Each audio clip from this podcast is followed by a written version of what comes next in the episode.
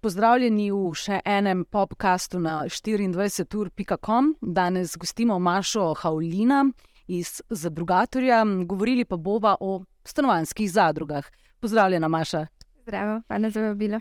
Če začneva pri interesu, ne, nekako zdi se, da v Sloveniji da smo vsi kar mal obsedeni z zasebno lastnino, v smislu, vsak mora imeti svojo nepremičnino in šele enkrat, ko imaš svojo nepremičnino, si uspel, um, ne glede na to, če jo moraš odplačevati še 40 let. Um, pa vendarle, vi v zadrugatorju opažate, da se malce to dojemanje. Um, Stanovanja kot lastnine ali pa pravice dobivanja spremenja.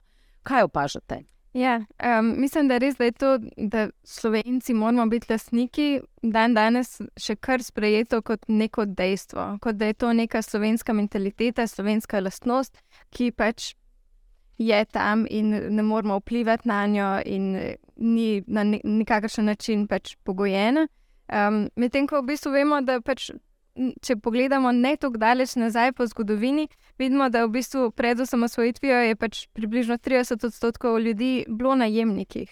Um, in da je v bistvu ta mentaliteta lastništva se pogosto, po našem mnenju, izrablja kot neki izgovor, zakaj ne, politika ne naredi več na stanovanjskem področju. In tukaj uh, ja, se kaže, da v resnici, pač, če bi ljudem ponudil pogoje, ki so dovolj dobri, ki pač pomenijo, ne vem, najem po ugodni ceni, dolgoročno, da je pač to stanovanje res lahko postane tvoj dom, da je stabilno, um, da ni nekaj, kar pač imamo še vedno občutek, da um, nas bo najemodajalec lahko čez par mesecev vrgel ven, pa da ne smemo nič spremenjati, pa da se nam ne splača investirati, zato ker pač ne vemo, koliko časa bomo lahko tam. Pa da se cene vse čas dvigujejo v takih pogojih, seveda si nihče ne more želeti najema. Um, in je logičen odziv, da si pač res vsi želimo lastništva, ker zaenkrat to, poleg neprofitnih stanovanj, ki jih je pa bistveno premalo, je edina resnično stabilna in dolgoročna rešitev stanovanjskega vprašanja. Če pa pač zagotovimo pogoje, v katerih lahko tudi na drugačen način rešujemo stanovanjsko vprašanje, enako kakovostno ali pa mogoče za koga še bolj, pa pač se ta mit razblini.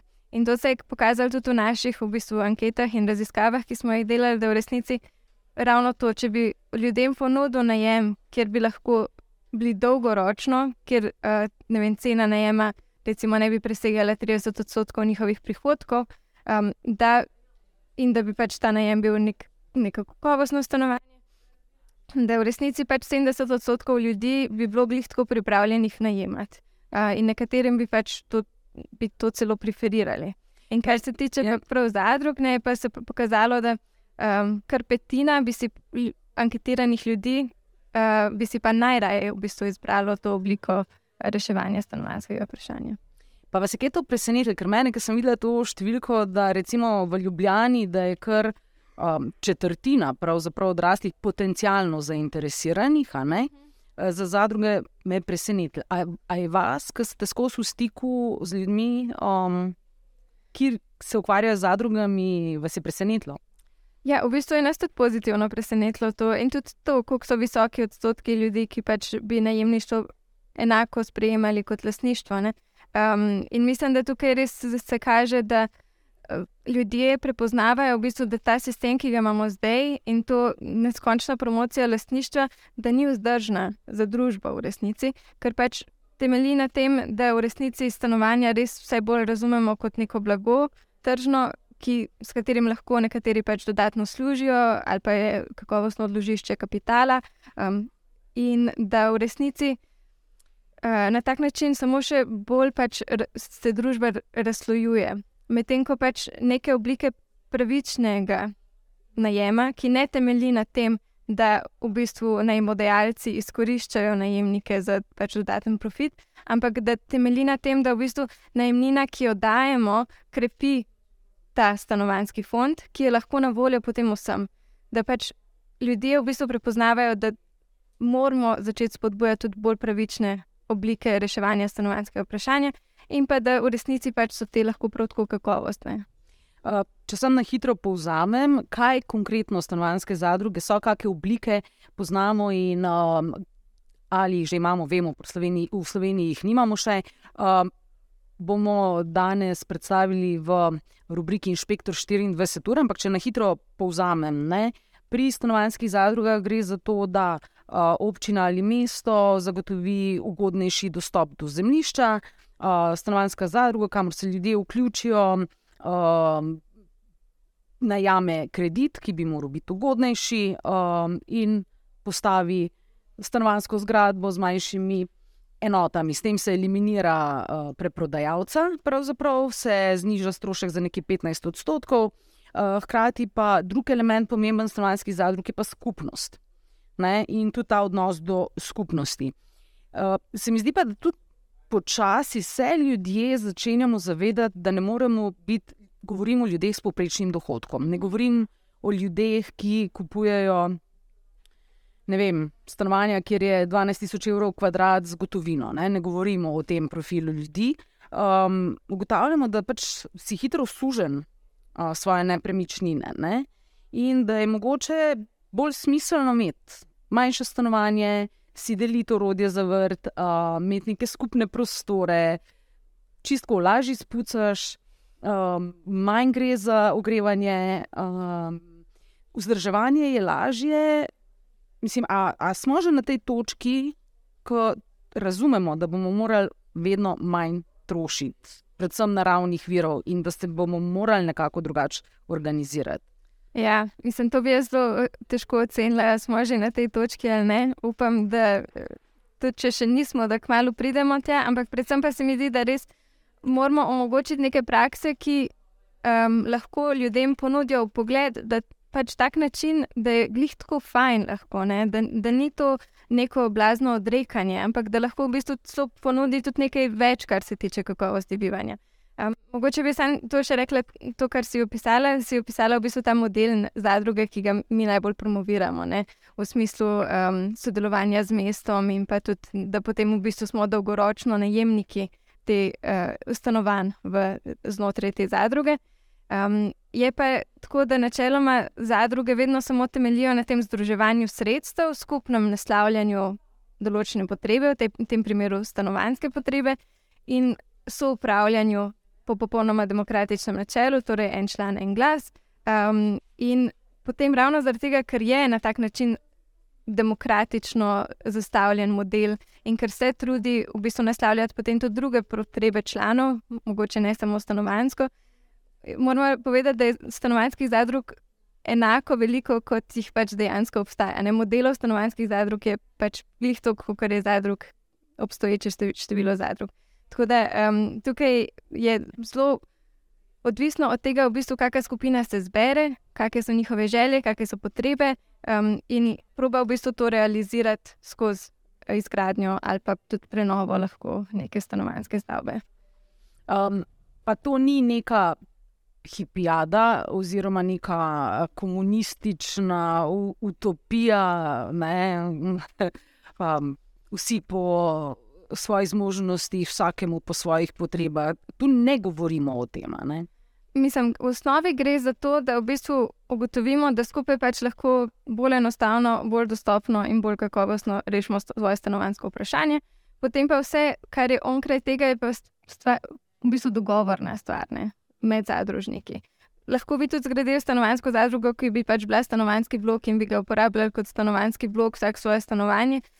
Edino, da bi ostal ta element, da skupaj v bistvu soupravljamo ne, s tem stanovanskim blokom, kar je malo podobno kot je tašna lastnina, ampak um, v bistvu vse člane, mislim, vse stanovalce v tem bloku postavi na enako izhodiščno točko, kar je bistveno drugače. Vseeno.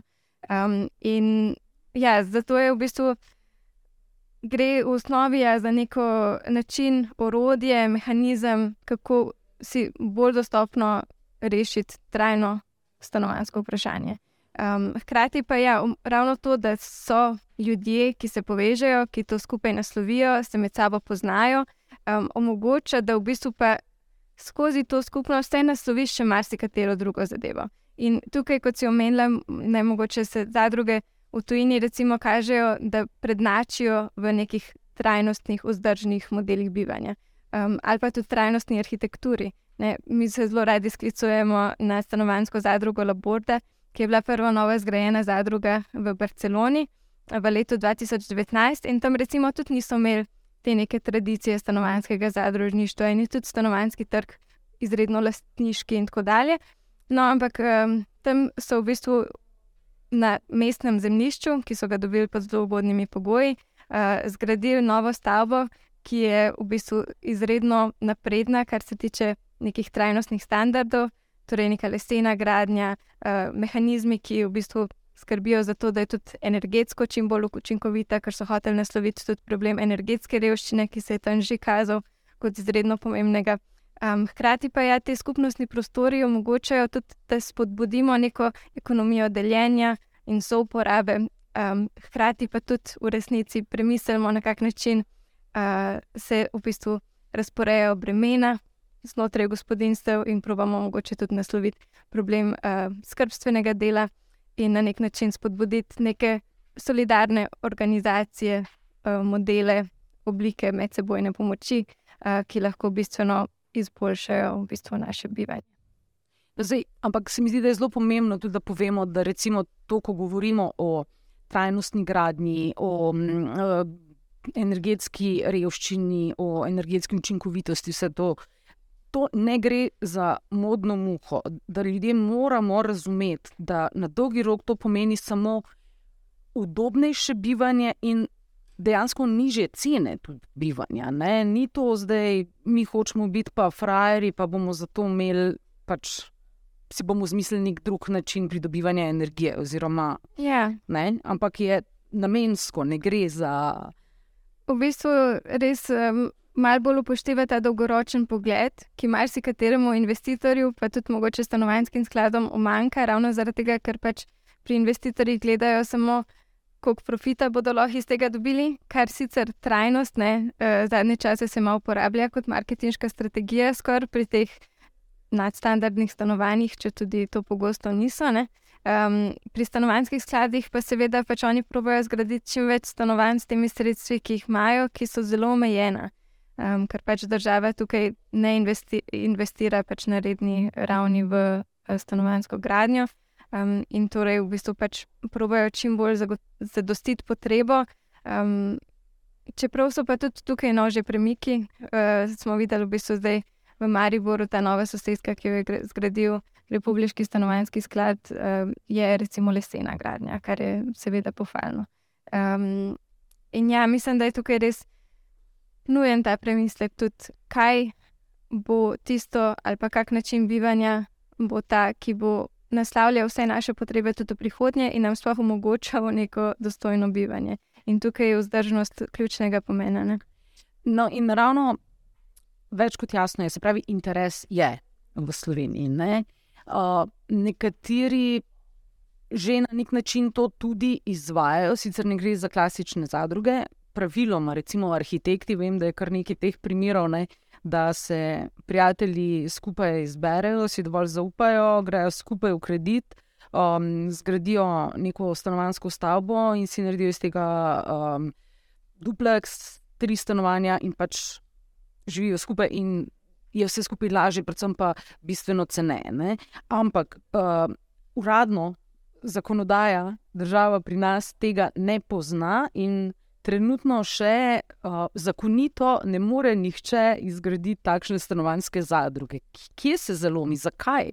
Ja, v bistvu trenutno bi lahko tudi šli zgraditi stanovansko zadrugo, ampak bi to lahko.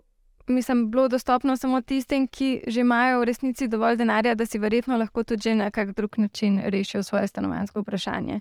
Um, in tukaj si res želimo, da pač vse omogoči in vzpostavi stanovanske zadruge, kot en res mehanizem za dopolnjevanje dela stanovanjskih skladov in zagotavljanje kakovostnih, dostopnih in trajno, trajno dostopnih uh, najemnih stanovanj. Um, in zato tudi govorimo o najemnih stanovanjih, ker pač čim recimo se neko stanovanje privatizira, potem nimaš več nadzora nad njegovo ceno, nad tem, kako se bo uporabljal. Ali bo nekdo ga dal pol za Airbnb, ali bo nekdo začel izkoriščati najemnike tam notri in jim pač stanovanje ponujati z oderuško najemnino in tako dalje. Um, in zato je ključen ta mehanizem v bistvu najema, hkrati pa je ključno za to, da lahko zagotovimo to dostopnost. Ne? Kot si rekla, na eni strani je to, da pač ni nekoga, ki bi si prisvajal profit od te gradnje, kar že zniža ceno, ampak še vedno, recimo v urbanih središčih, so zemljišča že tako draga, um, da je, če bi mogla zadruga kupiti zemljišče in na njem graditi, to v bistvu cene. Popelje v pač take višine, ki si jih ne želimo in ki jih ne razumemo kot dostopne.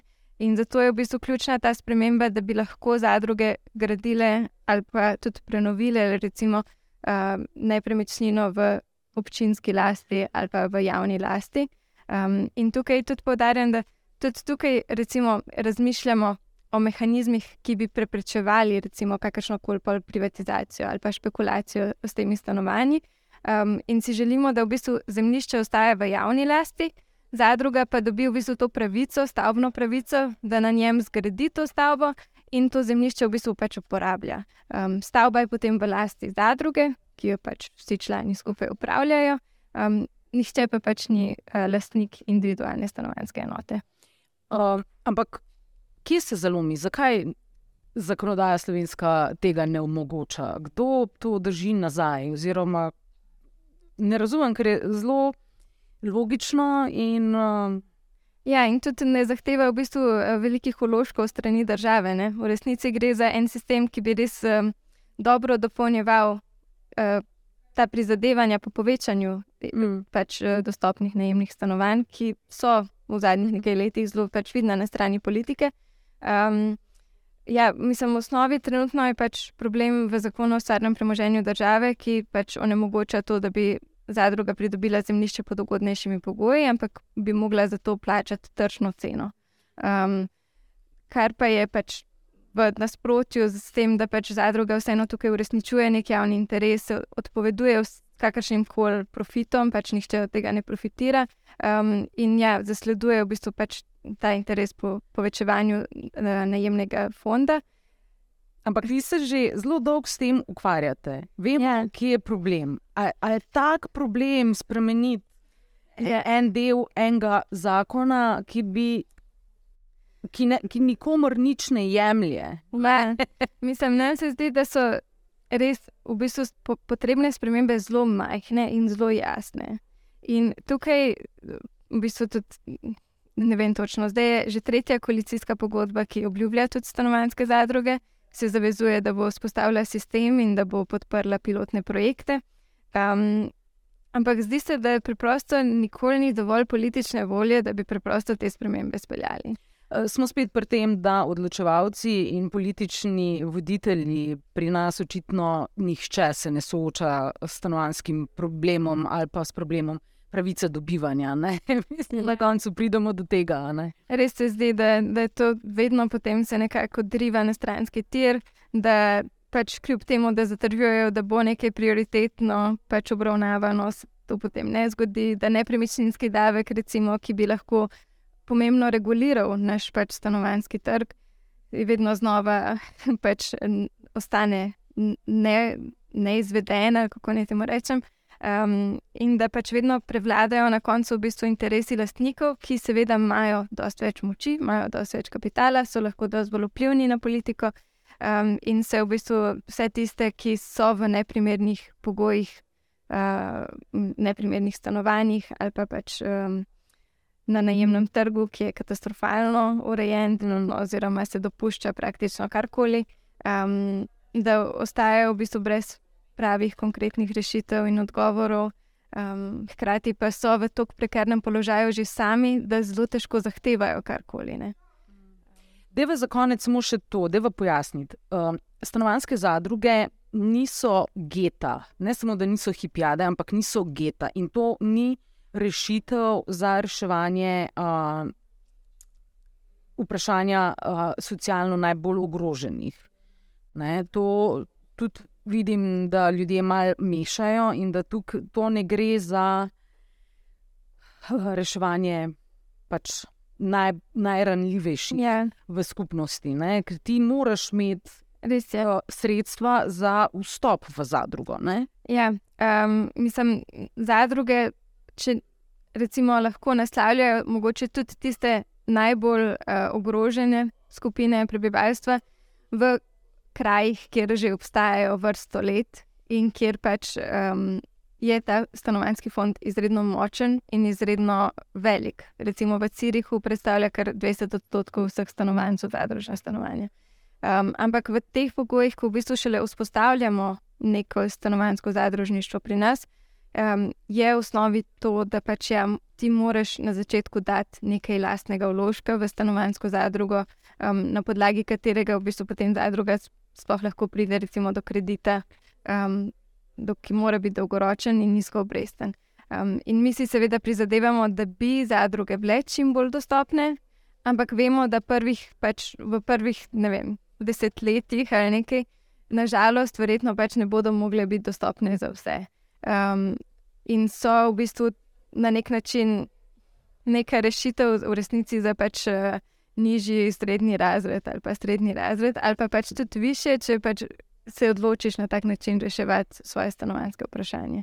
No, sej, zdaj, ko sem malo uh, gledala, sem videla, da recimo uh, zainteresirani za bivanje v stanovanjski zadrugi je dobro, da imajo privrčovanih nekje 15 do 20 tisoč evrov za takrat, ko bo ta zakonodajna sprememba končno uh, dosežena, da se lahko gre takoj v to. Še vedno pa je treba vedeti, da recimo, če ti pri izgradnji uh, stanovanjske skupnosti oziroma bloka oziroma stanovanj uh, privrčuješ na ta način 20 odstotkov, 20 odstotkov je pa tudi ogromno, ko govorimo o cenah nepremičnin. Ne? Ja. Ni pa to, se pravi, to ne bo.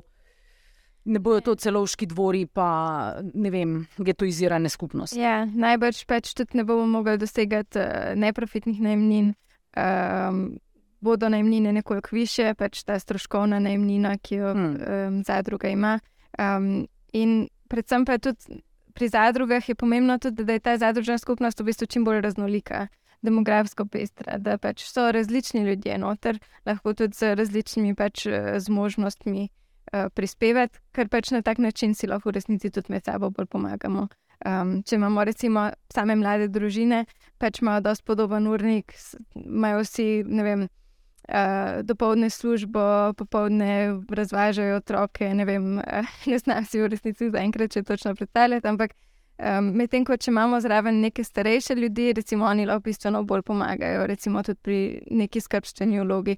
Um, hkrati pa mlajši lahko njim pomagajo, recimo pri nekih težjih opravilih po stanovanju in tako dalje. In zato pač verjamemo, da v resnici, če imamo bolj raznolike skupnosti, to pripelje do bolj bogate skupnosti, tudi, um, tudi če ne finančno. Um, pa še to bi povdarila, ker uh, sem, da se razume. Um, ta začetni vložek, ki ga v bistvu vsako gospodinstvo da ob vstopu v zadrugo, se pa v bistvu tudi povrne v primeru izstopa iz zadruge, kar pomeni, da še vedno pač uh, ta sredstva nekar izparijo nekje um, in da tudi če bi se ne vem, bil primoran seliti zaradi kakršnega koli razloga, pač imaš tudi neko začetni kapital, s katerim potem lahko tudi naprej iščeš rešitve. Maša Havlina, najlepša hvala. Hvala te. and cool crap. This person, everything number nine.